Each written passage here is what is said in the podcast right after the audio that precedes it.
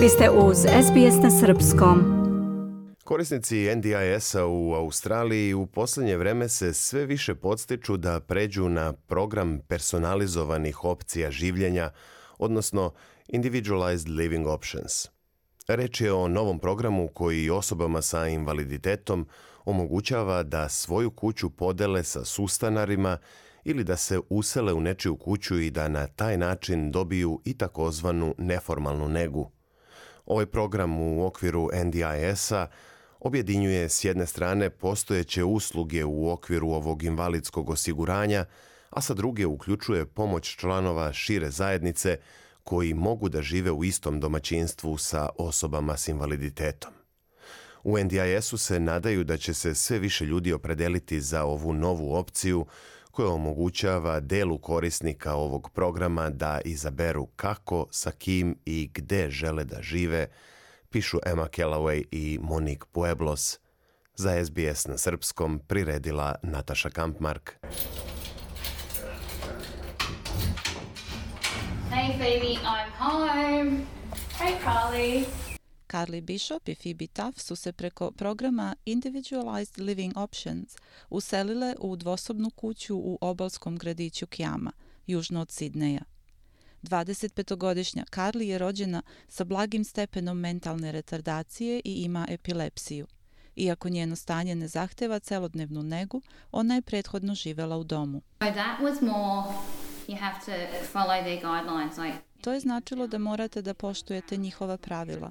Roditelji su morali da se najave 24 sata ranije ako dolaze u posetu, a ja sam morala da im prijavim ako hoću da izađem, a nekad mi ne bi dozvoljavali, a nekad bi me pustili. Carly kaže da od kad stanuje sa Phoebe može slobodnije da odlučuje kako će da organizuje svoj život. It's a lot easier because it means I can do things like in my own time. Mnogo je lakše jer to znači da mogu da radim stvari kad želim, a ne kad mi neko kaže. Ali naravno, ako mi Phoebe kaže da nešto treba da uradim, ja ću je poslušati. Kao na primjer kad se kasno vratim sa probe hora i ona mi kaže da se istuširam.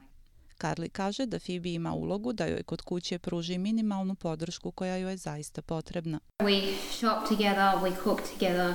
Zajedno idemo u kupovinu, zajedno kuvamo, zajedno čistimo zajedničke prostorije i zajedno gledamo seriju Bondi Vet. Phoebe ima 30 godina i radi sa punim radnim vremenom u kadrovskoj službi. Preko programa NDIS-a Individualized Living Options, njena stanarina iznosi svega stotinu dolara nedeljno. With being able to support Carly, I am able to... Pošto pomažem Carly, plaćam sniženu stanarinu, a to mi pomaže da štedim za kuću, na primjer, što ljudi u svojim 20. i 30. ne mogu da priušte, To je dobro u veze sa ovim programom, ali isto tako i to što mogu da pomognem Karli da vodi kvalitetan život. Iako joj se utrošeno vreme isplaćuje putem snižene stanarine, Phoebe kaže da ona stanovanje sa Carly ne doživljava kao posao. I don't feel like I'm a carer for Carly. Ne osjećam se kao Carlina negovateljica. Više izgleda kao da živimo zajedno i radimo stvari zajedno kao cimerke.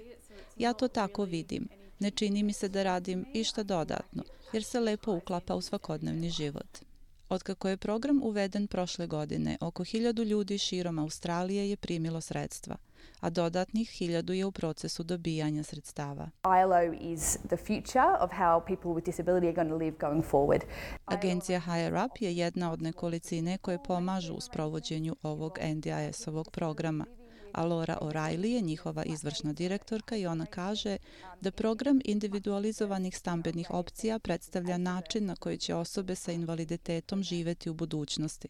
Sličan je tipičnom zajedničkom stanovanju i podrazumeva da osobe sa invaliditetom dele stambeni prostor sa osobama bez invaliditeta u raznim okolnostima, raznolikim koliko je ljudi koji učestvuju u programu, objašnjava Laura O'Reilly. Prema podacima iz septembra ove godine, više od 550.000 ljudi sa invaliditetom prima pomoć od invalidskog osiguranja NDIS. Iako je broj primalaca sredstava za individualizovane stambene opcije trenutno mali, Nacionalna agencija za invalidsko osiguranje promoviše individualne opcije kao alternativu tradicionalnim domovima. Kako program nastavlja da se sprovodi širom Australije, sve više osoba sa invaliditetom podržava ovu inicijativu. Nicole Lee je predsjednica organizacije za osobe sa invaliditetom Australije i ona kaže da putem ovog programa osobe sa invaliditetom mogu da iskuse svakodnevni život kao i drugi ljudi. Mnogi mladi ljudi žive kao cimeri u kućama i stanovima, ističe ona i pita šta je pogrešno u tome da i osobe sa invaliditetom iskoriste istu mogućnost. I dok se slaže da je program pozitivna inicijativa, ona napominje da sve opcije moraju ostati otvorene za osobe sa invaliditetom kojima je potrebno stambeno zbrinjavanje. this can't be a substitute for other care um, Ovaj program ne sme da bude zamena za druge opcije za osobe kojima je potrebna nega. Neki ljudi se osjećaju bezbednije u domovima, odnosno u kontrolisanom, zatvorenom okruženju. Zato moramo da se pobrinemo da ljudima ne oduzimamo te opcije dok sprovodimo ovaj novi program. Da se ovaj program ne iskoristi kao mera smanjenja troškova koja ljudima oduzima druge opcije, ističe Nicole Lee. U NDIS-u se nadaju da će se više ljudi pridružiti programu i omogućiti ljudima poput Carly da izaberu kako žele da žive. Slušajte SBS na srpskom, na mobilnom, na internetu i na radiju.